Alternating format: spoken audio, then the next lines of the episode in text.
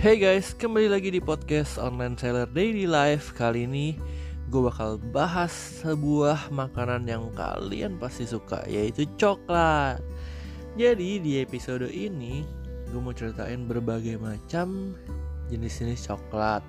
Perbedaannya, terus udah gitu rasanya seperti apa dan penggunaannya untuk apa.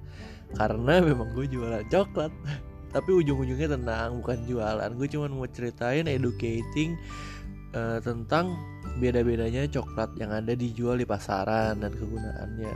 Nanti podcast ini juga boleh didengerin buat kalian para bakers atau kalian yang pengen tahu tentang sejarah bukan sejarah ya tentang jenis-jenis coklat yang ada di Jakarta. Oke ya buat yang kalian pengen dengerin jangan ke mana-mana. Tetap stay tune di podcast episode ini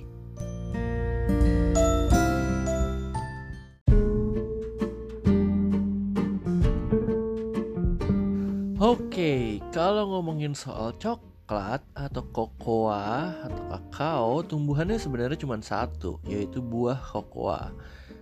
Nah, dari buah ini yang difermentasikan, dikeringkan, kemudian bijinya diambil, lalu dibikin kering, yaitu menjadi cocoa nips. Nah, dari nips ini serpihan biji itu digiling sampai dia mengeluarkan minyak dan pasta sehingga menjadi eh, cocoa butter. Lalu akhirnya diproses tuh cocoa butter jadi coklat.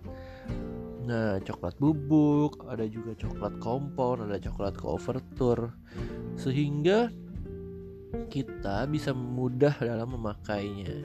Itu secara singkat pengenalan tentang coklat. Nah jadi sesuai dengan bentuknya kalau coklat di Indonesia atau di dunia ini terbagi jadi apa sih kalau coklat sesuai bentuknya? Jadi ada yang dari coklat batang, ada yang dari coklat bubuk, ada dari coklat nips, cocoa nips tuh biasanya biji coklat yang udah di roasting.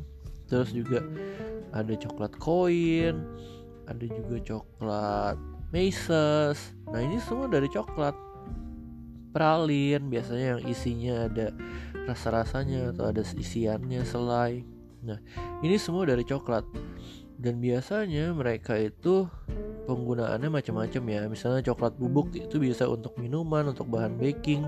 Kalau cocoa nips biasanya untuk diolah lagi jadi coklat pasta atau jadi cocoa butter. Atau cocoa nips bisa juga untuk taburan makanan sehat karena ini memang mengandung antioksidan yang tinggi.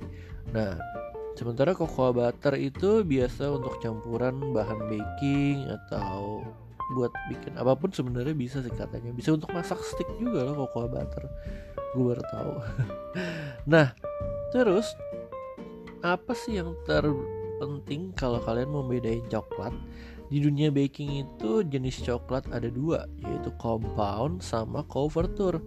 Nah, compound ini sebenarnya nggak bisa disebut coklat karena dia tidak mengandung cocoa butter jadi yang dipakai itu adalah uh, cocoa powder sama lemak nabati sama gula dan gak ada campuran cocoa butternya sedikit pun. Karena dia menggunakan lemaknya lemak nabati ya. Misalnya kayak minyak sawit kayak gitu. Bahkan untuk coklat putih bener-bener nggak bisa di nggak bisa dibilang coklat putih. Karena dia nggak pakai coklat dia nggak pakai kokoa sama sekali kalau untuk jenis kompon ya. Mereka menggunakan biasanya itu adalah lemak nabati terus perasa vanila sama milk powder yang jadinya warnanya putih dan manis aja isinya. Wanginya biasanya wangi vanila rasanya milky dan manis. Nah ini untuk coklat kompon putih. Umumnya coklat kompon itu ada tiga jenis. Ada yang dark ada yang milk sama ada yang white. Dan juga bentuknya biasanya batang atau bentuknya koin. Nah untuk jenis kompon ini ada juga yang berwarna-warni karena gampang diwarnai dan juga rasanya macam-macam bisa dikasih rasa lemon, dikasih rasa-rasa aromatik seperti rose, melon, blueberry. Ini semua ya artificial ya dalam arti itu nih perasa. Oke, sekarang kita masuk ke coklat couverture. Apa sih kalau couverture itu? Itu adalah coklat yang menggunakan cocoa butter sebagai bahan pembuatnya. Jadi biasanya itu ada tulisan persentasenya nih. Contoh, coklat eh, dengan tulisan 54% artinya mengandung minimal 54% cocoa butter.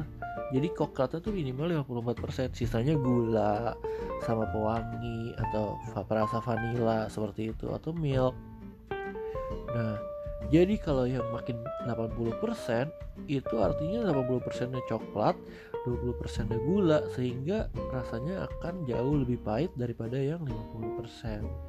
Nah, biasanya kalau coklat itu disebut couverture minimum ada 30-an persen coklat di dalamnya. Jadi kalau dia ada 33% maka dia bisa dibilang ini coklat couverture. Biasanya 30-an persen itu jenisnya milk atau white karena biar nggak terlalu pahit gitu. Coklat cover tour bentuknya itu biasanya ada koin sama ada blok kenapa bentuknya koin? Supaya mempermudah dalam proses tempering. Jadi ketika coklat cover tour ini udah melted udah jadi leleh dia nggak bisa keras lagi karena eh, bahan-bahan molekul pembentuknya ini udah pecah gitu jadi cair. Nah jadi kalau kalian mau bikin brownies atau cookies yang dalamnya melted itu pakai tuh ya tinggal dimasukin terus ketika di bake dia udah melted dia akan terus melted. Nah gimana cara biar dia bisa keras lagi? Coklat itu harus melalui proses tempering. Kalian bisa belajar sendiri di YouTube. Nah kira-kira proses tempering itu gini sih sebenarnya. Jadi dari yang udah melted itu sekitar eh, 2 per 3 bagian dicampur sama yang coklat kepingan yang masih uh, firm ya, yang masih berbentuk pink gitu masih bentuk belum melted campur sepertiga campur dua per tiga nanti sampai titik didihnya jadi biasanya tuh melted kan ke titik didih 45 derajat tuh dia melt. Habis itu diturunin pakai coklat jadi turuninnya tuh bukan didinginin ya tapi dicampur coklat yang beku yang masih berbentuk itu masih keras sampai titik didihnya menyentuh berapa biasanya dia di packaging ada misalnya 20 derajat gitu tapi dia naik lagi ke 30-an derajat. Jadi nanti ketika diambil coklatnya ditaruh di suhu ruang dia akan keras lagi. Gitu. Itu coklat cover tour. Pengolahannya memang agak ribet ya. Tapi rasanya udah pasti lebih smooth dan lebih wangi dan lebih kerasa coklatnya. Untuk merek-merek coklat kompon biasanya ada yang terkenal di toko gue itu ada merek Tulip, ada merek Chefmate, ada merek Choco. Itu untuk coklat kompon ya. Van Houten itu juga ada. Nah kalau untuk cover tour di toko kita ini paling lengkap dari yang lokal seperti Choco atau Tulip sampai ke merek luar seperti DGF, Master Martini, ada Petishier, ada Valrona, Cacao Berry, Calembau, dan Van Houten. Jadi coklat merek-merek ini ini benar-benar udah teruji di negaranya. Ada DLA juga ya itu coklat baru dari Filipina.